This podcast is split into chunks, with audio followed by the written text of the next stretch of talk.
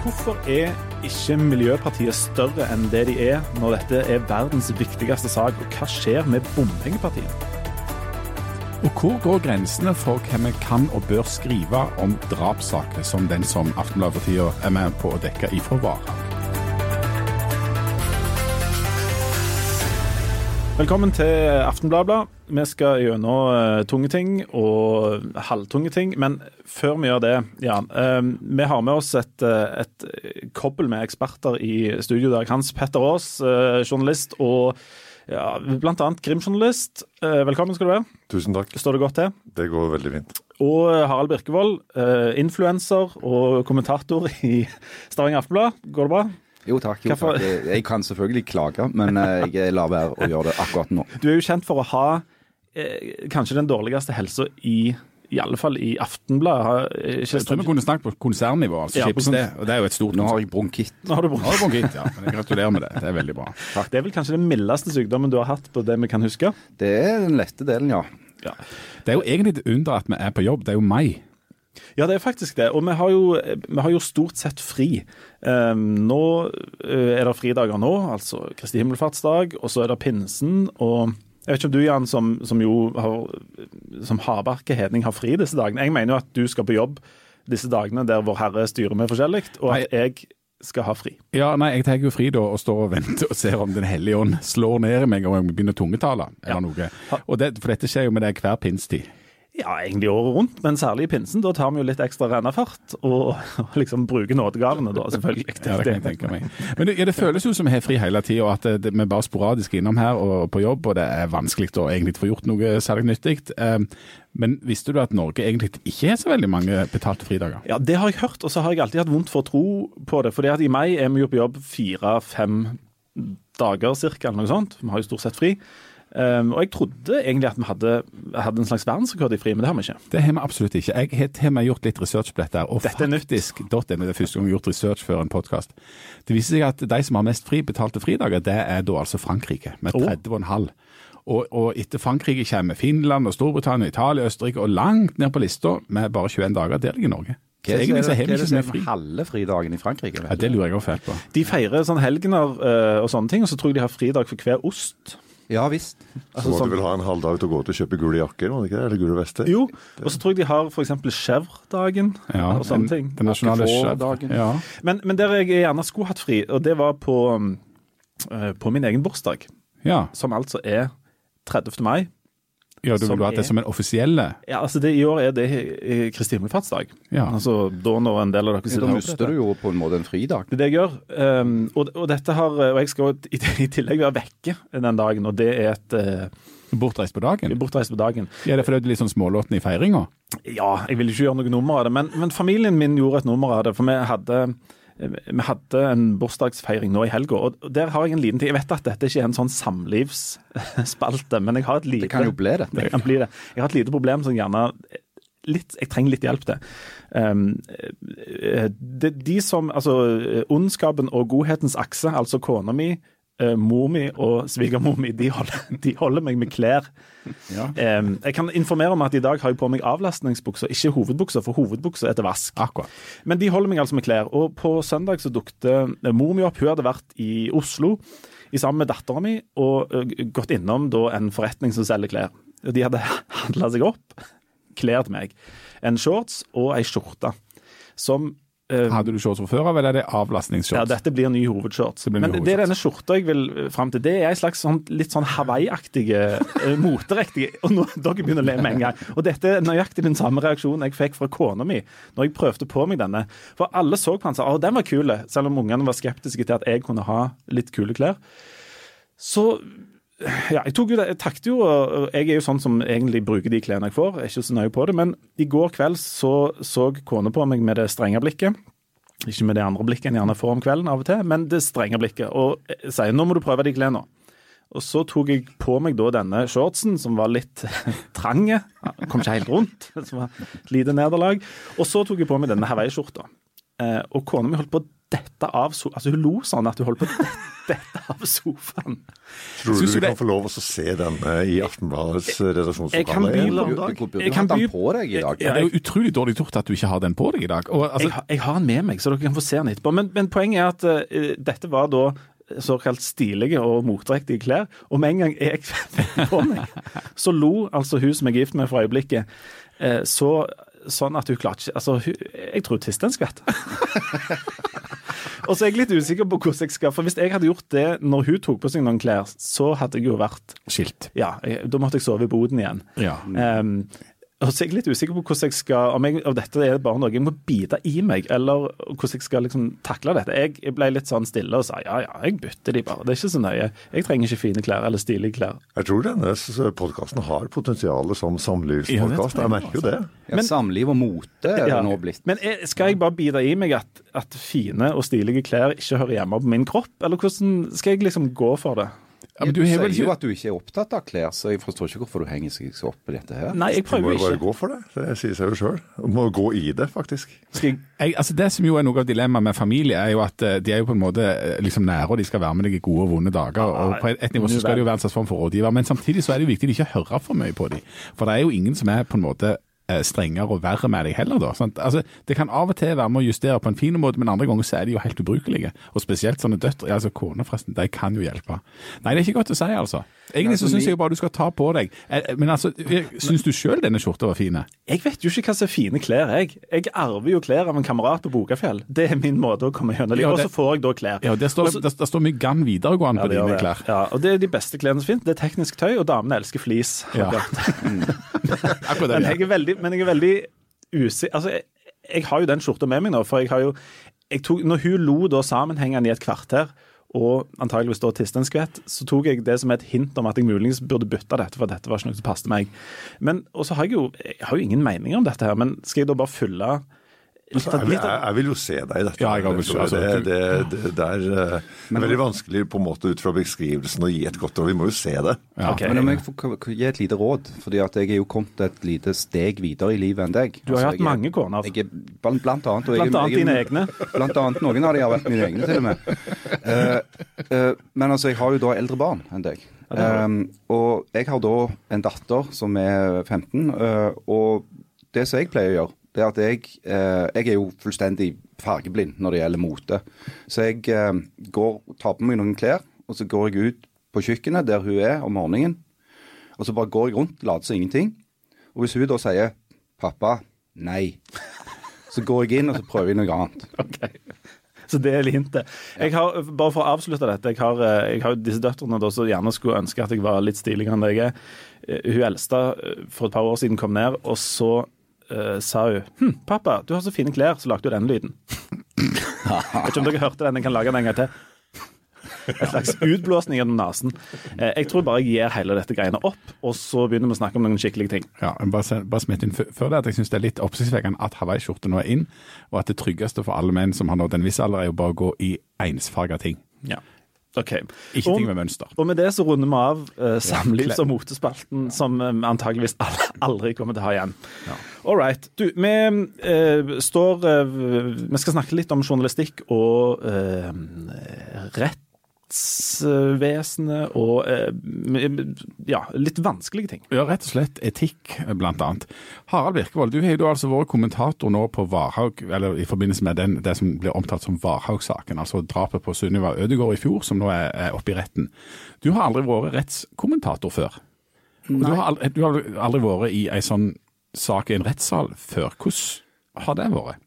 Ja, For å presisere, så jeg har aldri kommentert på en sak av denne typen. Jeg har vært i retten og dekka saker som har hatt å gjøre med økonomisk kriminalitet og med sivile tvister eh, og rettssaker som handler om penger. Men jeg har aldri dekka en drapssak som kommentator, det er riktig. Ja, og, um, og dermed, hvordan har det vært? Det har vært Altså, Hvis det går an å si det på den måten, så det har det selvfølgelig vært eh, vanskelig eh, og tungt å høre på. Det er jo en, en, eh, en fæl sak. Eh, men samtidig så har det på en måte vært interessant òg, fordi at det gir et innblikk i, i hvordan sånne saker som dette blir avvikla. og som kan være interessant å se og oppleve. Dette, dette er en sak med det, er en veldig alvorlig sak, og det er en sak med der en, de som sitter i retten får høre ganske mye detaljer og ganske mange vonde og vanskelige og brutale detaljer. Ja. Um, hvor, uh, hvor, mye av det som, det som, dere får høre i retten, kommer i aviser? Hvor mye detaljer skal vi ta med av alle disse grusomme tingene? Ja, det er jo et av de sentrale spørsmålene du sitter og baler med. Uh, det er jo sånn at en del av vårt oppdrag, hvis vi skal være så høytidelige, det er jo å gi våre lesere full beskjed om, om, hva som har skjedd og, og, hva som foregår. Samtidig så må vi ha i mente at denne saken dreier seg om eh, en, eh, et offer som var bare 13 år gammel eh, når dette skjedde, og en gjerningsmann som var 17, altså mindreårig. Samtidig så vet vi at denne saken blir fulgt av folk fra deres eh, aldersgruppe og deres miljø i, i hjembygda på, på Varhaug. Så det gjelder å holde litt igjen Eh, det er ikke alle detaljer i en sånn sak som er nødvendig å bringe videre for at eh, folk skal skjønne hva dette dreier seg om. Og Hans Petter Aas, du har jo òg vært med å dekke, dekke, denne saken, og du er i motsetning til Harald altså veldig erfaren med å jobbe med alvorlige krimsaker, og har vel òg jobbet med drapssak tidligere. Er det en ballast som er god å ha når du da skal inn og, og skrive om det som skjedde på Varhaug? Altså ja, åpenbart. Altså, um, som Harald sier, det, jo, det kommer jo fram mange detaljer i disse sakene som Eh, vi da må vurdere om hører hjemme i offentligheten eller ikke. Det handler om eh, drapsmetoder, det handler om eh, spesielle hendelser som kan være krenkende f.eks. For, for et offer, eller som kan være stemplende for en gjerningsmann. I, noen, I, mange tilfeller så er det jo sånn da at gjerningsmenn ikke har, altså de tiltalte ikke har tilstått. Og Da må vi jo ta sånne hensyn. I denne saken så har du jo en gjerningsmann som har tilstått selve drapet, men så har du masse uklarheter rundt, og så er det da en avbalansering med hvor mye vi kan fortelle. Rett og slett av eh, både av hensyn Noe av dette står omtalt i Vær varsom-plakaten, der vi skal vise hensyn til, til ofre og pårørende i omtalen av kriminalsaker. Men så er det også dette med folkeskikk. altså Noe hører rett og slett ikke hjemme. Og så er det dette med at vi trenger ikke la ungdommer vite alt uh, som skjer der. For det at uh, det er sider f.eks. på nettet som har blitt søkt på her som ingen egentlig bør prøve å se på. Men der er det sånn at Aftenbladet har dekt denne saken på tre måter, minst en sånn i praksis. da. Altså, Harald har kommentert, du Hans Peter har skrevet journalistikk på det, og i tillegg så har vi drevet med direkte, nærmest live-rapportering ifra rettssalen. Og jeg har lest litt, og der er det flere detaljer enn det er eh, i kommentarene, f.eks. Men samtidig så har vi ikke live-rapportert for to av dagene som denne rettssaken pågikk, nemlig den som handla om obduksjon, og den som handla om gjerningsmannen sin uh, psykiske tilstand, altså, altså hans, hans, helsetilstand, på en måte, ut ifra en sånn etisk vurdering om at uh, dette tilhører på en måte ikke uh, det offentlige, da, på en måte. Men allikevel så er vi jo veldig tett på når vi er live og direkte. Da må, da, da må en jo sitte og, og, foreta denne formen for etisk vurdering sånn i real time, nærmest. Det er jo eh, veldig vanskelig for Ola, dette her, som har vært den som har live-rapportert. For han må jo ta, som du sier, denne etiske vurderingen i real time.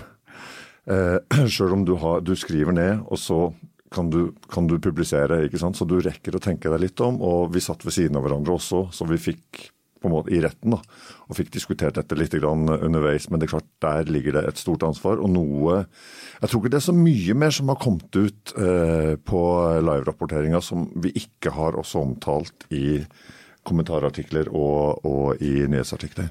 Mm. Men jeg er helt enig med Hans Petter at det er en, eh, det er en eh, krevende jobb å live-rapportere for en sånn sak, fordi at du, du, må ta de etiske vurderingene nærmest eh, fra minutt til minutt. Eh, men heldigvis så har vi erfarne folk som jobber med det. Eh, og jeg mener at vi har kommet veldig bra fra denne eh, live-rapporteringen i denne saken her.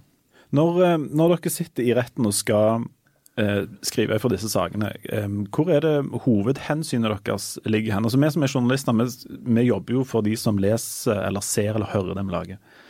Um, I en rettssak er det veldig mange andre enn skal ta hensyn til, særlig i en sak der det er mindreårige. Du har et offer, du har en familie, du har en gjerningsmann, du har familien uh, rundt gjerningsmannen, du har et lokalmiljø. Hvem er det som ligger liksom langst uh, framme i, i, pannen når du har, skri, har skrevet kommentarer på den saken? Jeg har tenkt at uh, de kommentarene som jeg skriver fra denne saken, skal kunne leses av Sunniva sin familie. Enkelt og greit. Hva tenker du om alle de som står rundt? Uh, er, noen vil vite mest mulig, noen vil sannsynligvis vite minst mulig. Um, noen er veldig tett på, og noen har veldig, um, veldig avstand til dette. Um, hva tenker du om de som står rundt?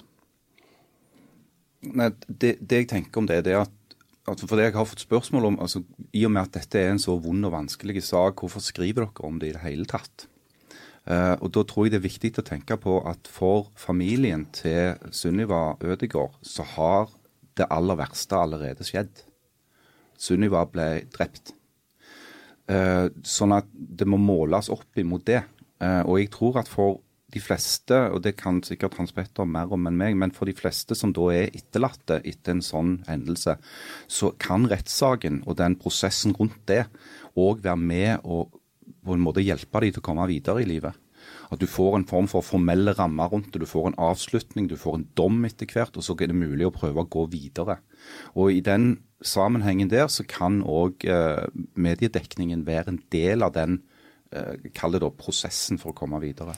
Et eksempel på det er jo at eh, det ble delt ut, altså Aktor delte ut et bilde på den første rettsdagen som var tatt av Sunniva den kvelden da hun ble drept, bare et par timer før. Og det var jo fordi at de ønska at det, det bildet, det er sånn de vil at Sunniva skal bli huska. Dette var jo delt ut med godkjennelse fra hennes etterlatte. Okay. Så, så, så, og så er det da dette med, som Harald er inne på, de, det, det, foreligger en tilståelse i denne saken. Men er det sikkert at den tilståelsen er riktig på alle måter? Hvis du går inn i retten og eh, vitnet kommer og forklarer seg, så får du altså da forklart eh, du, du, får svar som du kanskje ellers ikke ville fått. Og skal du gå videre, så er det veldig mange som opplever det sånn at du må, ha, du må vite mest mulig. Du må vite mest mulig om det som skjedde for å kunne legge det bak. Du vil jo aldri glemme det, men du vil kunne gå videre hvis du vet mest mulig. Sånn tenker mange. Hvis det står igjen sånne ubesvarte spørsmål, så kan de bli liggende og gnage og gnage, og du får aldri fred for det.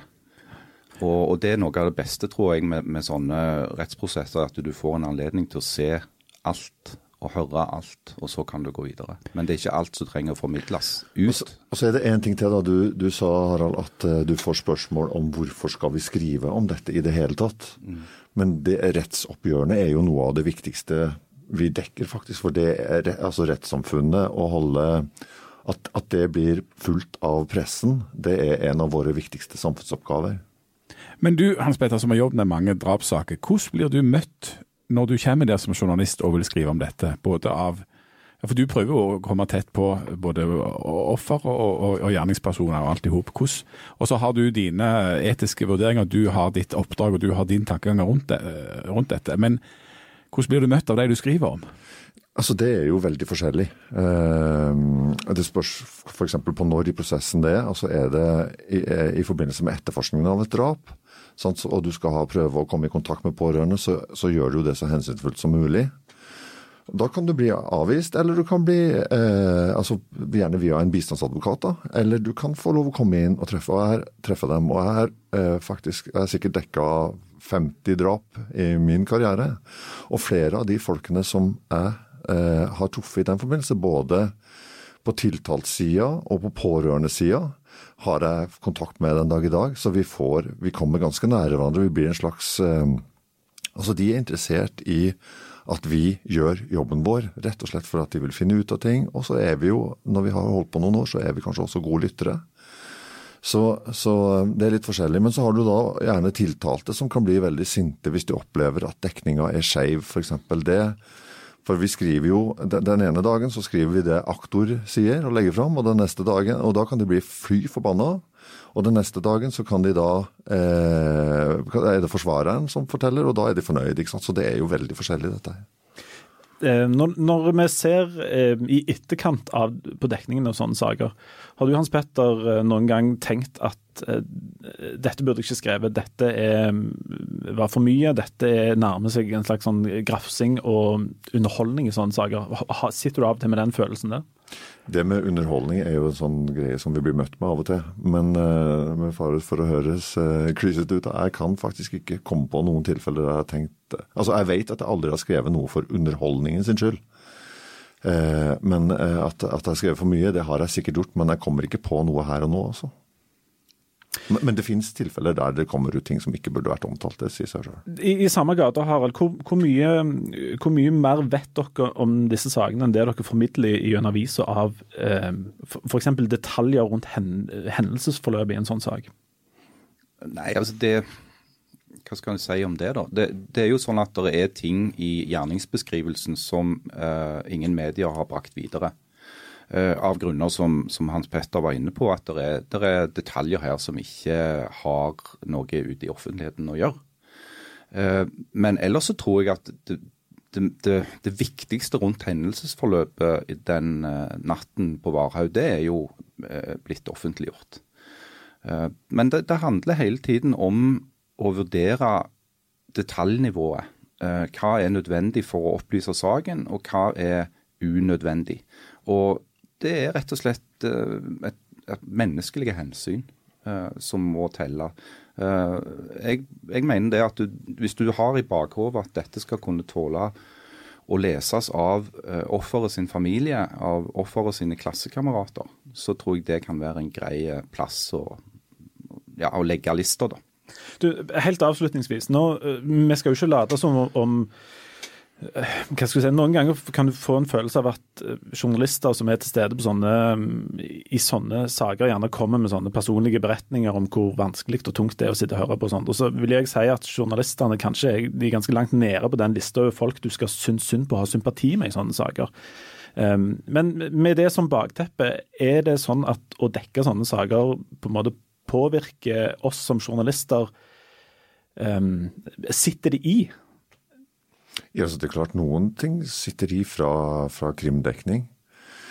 Enkelte øyeblikk i rettssalen. Eh, nå snakker jeg generelt da, gjennom en lang karriere. Eh, men, men, spesielt eh, når du får tilgang til etterforskningsmateriale og sånne ting. Bilder, gjerningsbeskrivelser og sånne ting. Det er klart det er noen bilder som, som, som sitter i, altså. Men som du, du har jo selvfølgelig helt rett, det er jo ikke akkurat journalisten det er synd på. men men det er, det er ting der som kan være tunge å ta med. OK. Da um, tror jeg vi forlater uh, rettssalen og Kanskje Jan har en sånn motehistorie nå for å muntre opp stemningen? Ja, kanskje jeg burde dratt opp med noen personlige betraktninger om klær. Nei. Ja, ikke sant. Nei, vet du hva, vi skal, uh, vi skal over fra et, um, et, sentralt samfunnsområde til et annet. Uh, vi skal snakke litt om politikk helt til slutt. Aftenbladet har på lederplass sagt at klimasaken er den viktigste saken i hele verden og det er de fleste er enige om det. Um, og vi har jo etter hvert fått et parti i Norge som er grønt og ferdig med det. Og Det er jo et søsterparti av de europeiske grønne partiene, og nå var det altså EU-valg i helga, og en av de store seierherrene der var jo altså De grønne. De grønne fikk vel altså, var det ikke 22% i Tyskland eller noe sånt. Mm. Og det er jo egentlig litt rart, hvis du tenker på det. Hvis klima er den viktigste saken, og de grønne går voldsomt fram i Europa, at de grønne Miljøpartiet De Grønne ikke er større i Norge, Harald Birkevold? Burde ikke de vært kjempesvære, egentlig? Eh, jo, eh, hvis du aksepterer premisset, eh, og det var vel det Aksepterer du ikke premisset? jo, jo, men la meg nå resonnere her. For jeg tror det var, det den lederen prøvde å si noe om, som dere refererte til. Altså, Hvis en aksepterer premisset at uh, klimaspørsmålet er vår tids viktigste politiske spørsmål, globalt sett, uh, da burde partier som aksepterte det premisset og ville gjøre alt for å redde eh, jorda for en katastrofal eh, oppvarming, få flere stemmer enn de får. Hvorfor får de ikke det? Eh, og Da er vi inne på det som kanskje kan kalles et slags problem for disse ensakspartiene. Du har Miljøpartiet, som altså primært er opptatt av miljøet. Du har bompengepartier, som primært er opptatt av å ikke betale bompenger. Eh, hvor store kan de bli, eh, hvis det er sånn at de bare jobber med det ene spørsmålet? Eh, og det får vi nå se. Altså, du, du, kan jo se til Oslo, da. Hvor såkalte små partier som Rødt og Miljøpartiet og SV til sammen nå er større enn Arbeiderpartiet. I Oslo så er Fremskrittspartiet redusert til et miniparti som ligger vage nede mot sper sperregrensa hvis det hadde vært stortingsvalg. Eh, der er det jo en bevegelse. Spørsmålet er når den eventuelt blir nasjonal i Norge. Eh, det har kanskje noe å si hvordan dette landet er liksom befolka. Uh, i, motsetning til mange andre europeiske land, du nevnte Tyskland, jeg kan nevne Sverige, så er Norge fortsatt et land med spredt bosetning. Veldig mange folk bor langs kysten i små og mellomstore steder. Det er en industri langs kysten som til dels står i motsetning til dette miljøengasjementet, da, særlig når det gjelder klima. Uh, og Det gjør at du kanskje ikke har en så stor grad du har ikke en så stor andel i Norge som er såkalte urbane, velutdanna unge velgere, som typisk er de som eh, går til de grønne og liberale partiene. Og Pussig nok, i Sverige gikk jo De Grønne tilbake, der liksom hun, Greta Thunberg kom ifra.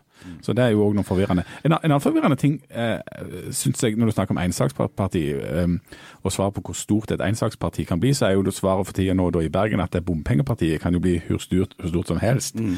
Mens her er jo òg egentlig bompengepartiet overraskende lite da, i vår region, med tanke på alt det bråket rundt bompenger? Ja, Det er noe som har overraska meg stort, og som har gjort at jeg har begynt å tvile på mine profetiske evner. Fordi Jeg hadde trodd, og, og skrev òg i, i flere kommentarer, at bompengemotstanden da så vi jo på sant, denne her folkeaksjonen eh, Nok er nok, som, som hadde titusenvis av medlemmer. Vokste rekordfort. Det ble, plutselig så ble eh, bompengespørsmålet veldig veldig brennbart i, i Rogaland, særlig på Nord-Jæren. Eh, den, den, aksjonen du ser nå, den starta vel på mange måter? Der, han gjorde det. Og Vi har jo levd med dette og sett på dette og lagt journalistikk på det i halvannet år. Og nå har de plutselig oppdaget inne i Oslo da, at uh, det er en såkalt bompengekrise i Nor Norge. Jeg liker den måten du sier 'inne i Oslo'. Ja, men herregud. Altså, vi, vi har jo holdt på med dette nå i halvannet år, to år. Nå finner NRK og VG og Dagbladet og Nettavisen og alle sammen opp disse sakene på ny og presenterer dem som om dette er en nyhet. For oss jo, har jo dette vært en del av virkeligheten ganske lenge. Og, og, og, så virker det som om det er litt sånn over høyden. og har, Nå har det flytta seg til Bergen. Bergen ligger jo alltid litt etter oss. Eh, egentlig på alle fronter. Det er jo en liten fiskelandsby. Det er det. Men, men ehm, er det sånn at eh, f.eks. bompengepartiet har en veldig begrensa levetid? Nei, det tror jeg ikke. Men jeg tror bompengepartiet, hvis vi nå snakker om FNB, altså Folkeaksjonen Nei til mer bompenger, som er det offisielle navnet, så ligner det litt sånn på oppstarten av noe som kan bli ganske stort. Uh, hvis vi f.eks. tenker tilbake på oppstarten av um, Fremskrittspartiet, Anders Langes parti til sterk nedsettelse av offentlige skatter og avgifter, grunnlagt på Hjelmeland, uh, så var det òg et parti som i begynnelsen besto av mye rart. Uh, og det, det, er en sånn modningsprosess, tror jeg. Eh, sånn at FNB kan bli et større parti, og et parti som òg er mer enn et ensaksparti. Det tror jeg krever to ting.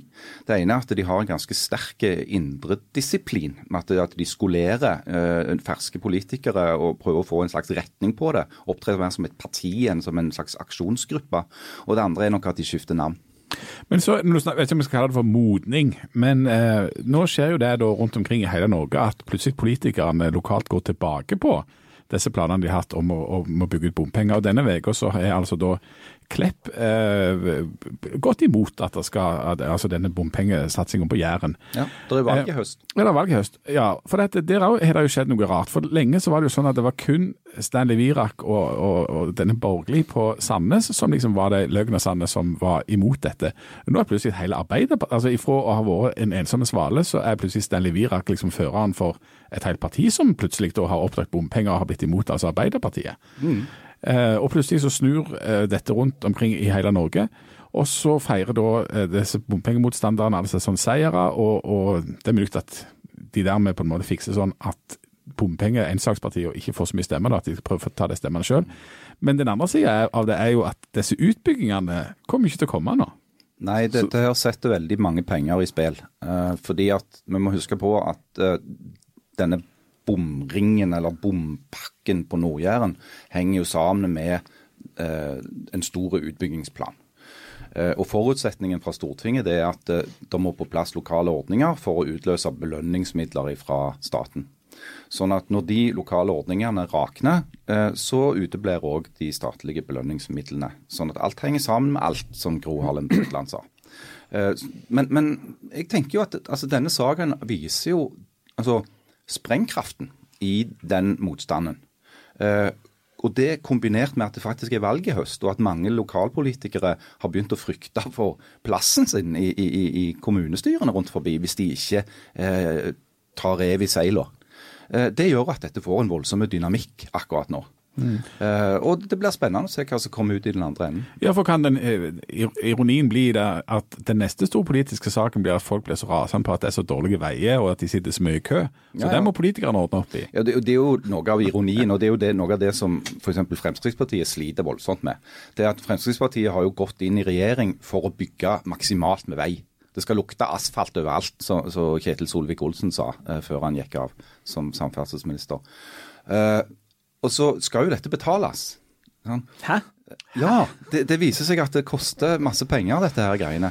Og så har de funnet ut at, uh, at Stortinget de vil ikke betale for hele gildet. Dette må bilistene sjøl være med og bidra til. Så, så, det er klart at det er en Fremskrittspartiet står i en slags spagat. Sant? De ønsker å bygge maksimalt med vei. De vet veldig godt at den eneste måten å gjøre det på, er å bompengefinansiere det. Men så er de motstandere av bompenger på lokalplan. Og så holder de på og holder på. Du, men i, i dette her, det, dette handler jo om vei og om, våre, om lommebøkene og sånt. Men litt tilbake til de, til de grønne. Det, ja. det, det, begynner å ligne på et parti etter hvert, gjør det ikke det? Eh, jo. Um, hvor store kan et grønt parti eh, bli i Norge? Hva, hva er realistisk at vi kan, eh, vi kan se? Er, er, det et sånn 15 %-parti om fem, seks, sju år? Du har jo allerede av, avsatt deg selv som spåmann, selvfølgelig. Mm. og mange vil være enig i det. Syns det er en fornuftig avgjørelse. Absolutt. Men da skal du få et nytt forsøk. Om neste stortingsvalg, hvor stort er De grønne? Ja, det er jeg veldig eh, i tvil om. Fordi at uh, De Grønne har et potensial til å vokse i Norge, tror jeg. Fordi de har en ekstremt god sak. Det er en klimakrise, vi må gjøre noe. Samtidig så er Norge et land som er veldig avhengig av oljeinntektene. Og kommer til å være det i lang tid framover. Det er vanskelig å bli et veldig stort parti hvis du går inn for en politikk som vil medføre at tusenvis, for ikke snart titusenvis av nordmenn mister jobben. At staten mister enorme inntekter. Uten at du har et realistisk alternativ. Nei, har du sett på mat? Nei, nå hvem, nå må, nå, må, nå, må vi, nå må vi legge ja, okay. helt om her. Ja, altså nå har det skjedd noe her i studio. Det som er spesielt med podkast, er jo at eh, du ikke ser det, da, eh, hva som foregår. Men det som nå skjedde, var at eh, Leif Tore Lindø eh, sprang ut av studio her. Jeg trodde han hadde fått et ildbefinnende, at han måtte ut og spy, eller det som verre var. Nå er han tilbake igjen, og han har på seg den nye skjorta. Hawaii-skjorta. Den er altså jeg, jeg. Jeg, trodde han var, jeg syns han er fin. Jeg, trodde det var, jeg var redd det var fargerikt. Jeg vil si at det er så som så. Er det, er det marihuana, dette? Ja, det ser ut som det er marihuanaplanter, ja. Eller ja. palmer eller noe sånt. Men det er altså det er en slags gul beige farge, noe svart. The ganja weed. Ja. Men dette, dette er da stridens eple. Ja. Denne, denne etter sigende moteriktige skjorta uh, passer ikke på min kropp. Jeg syns han er steinbra. Ja. Hans Petter Aas, du er hermed avsatt som moteekspert. Vil... Det, det, tror jeg ikke overrasker noen. Men, eh, men uh, når de først skulle kjøpe klær til deg uten at du var med, så vil jeg jo si de gikk for et oppsiktsvekkende lite nøytralt plagg. Det vil jeg si. Ja, men du, Det finnes jo masse hawaiiskjorter som har sterke farger. Dette, dette er jo svart og beige. Du, du, ser på en måte ut som en mann som lever av kvinners arbeid, hvis du skjønner hva jeg vil ja, men dere ser at dette er vanskelig, ikke sant? Det, det, og dette, jeg mener, jeg mener, at dette har en slags Sånn, altså, altså, Leif Tore, det er som er vennen din her. Altså, når de to her prøver å overtale deg til å fortsette å gå med denne, så skal du huske det at det er som er vennen din. Jeg vil, Willy the Pimp. Jeg vil selvfølgelig på ingen måte anse noen av dere som venner i det hele tatt, men dette er et Altså, jeg, jeg syns du jeg syns, Og dette er, dette er vanskelig å si fra, sånn, fra mann til mann her nå, men jeg syns du var flott i den, ja, i den skjorta.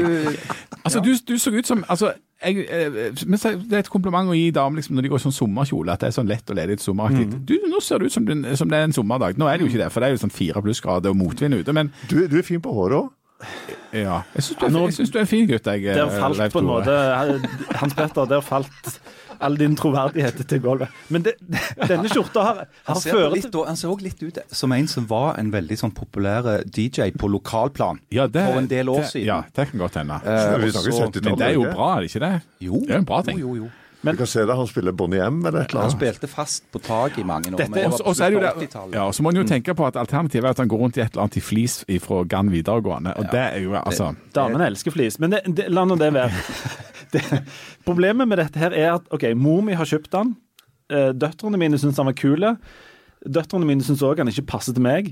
Kona uh, holdt på å le seg i hjel og tiste skvett når jeg tok det på meg. og Jeg fikk et subtilt uh, hint om å bytte han. Noen av dere syns han er stilig, ja, men samtidig så dere kaller meg for hallik og lokal-DJ. Dette er veldig problematisk. Ja, jeg kjenner meg svakt tiltrukket av deg, faktisk. Ja, jeg òg okay. ville si at jeg kjenner, jeg kjenner, det litt nå. Og da tror jeg vi skal gå mot en avslutning her. Også, skal jeg si meg om hva jeg føler? Nei. Uh, og så Neste uke så lover jeg å komme tilbake med en oppdatering om hvordan dette har gått. Shortsen på neste uke. Nei, den er for trang. Og jeg vet du vil se meg i en trang shorts, men um, du, jeg tror at vi runder av da. Eh, vi kommer tilbake neste uke med oppdateringer om skjorter og ymse annet. Det er kanskje tryggest, det. Ha det godt. Ha det bra.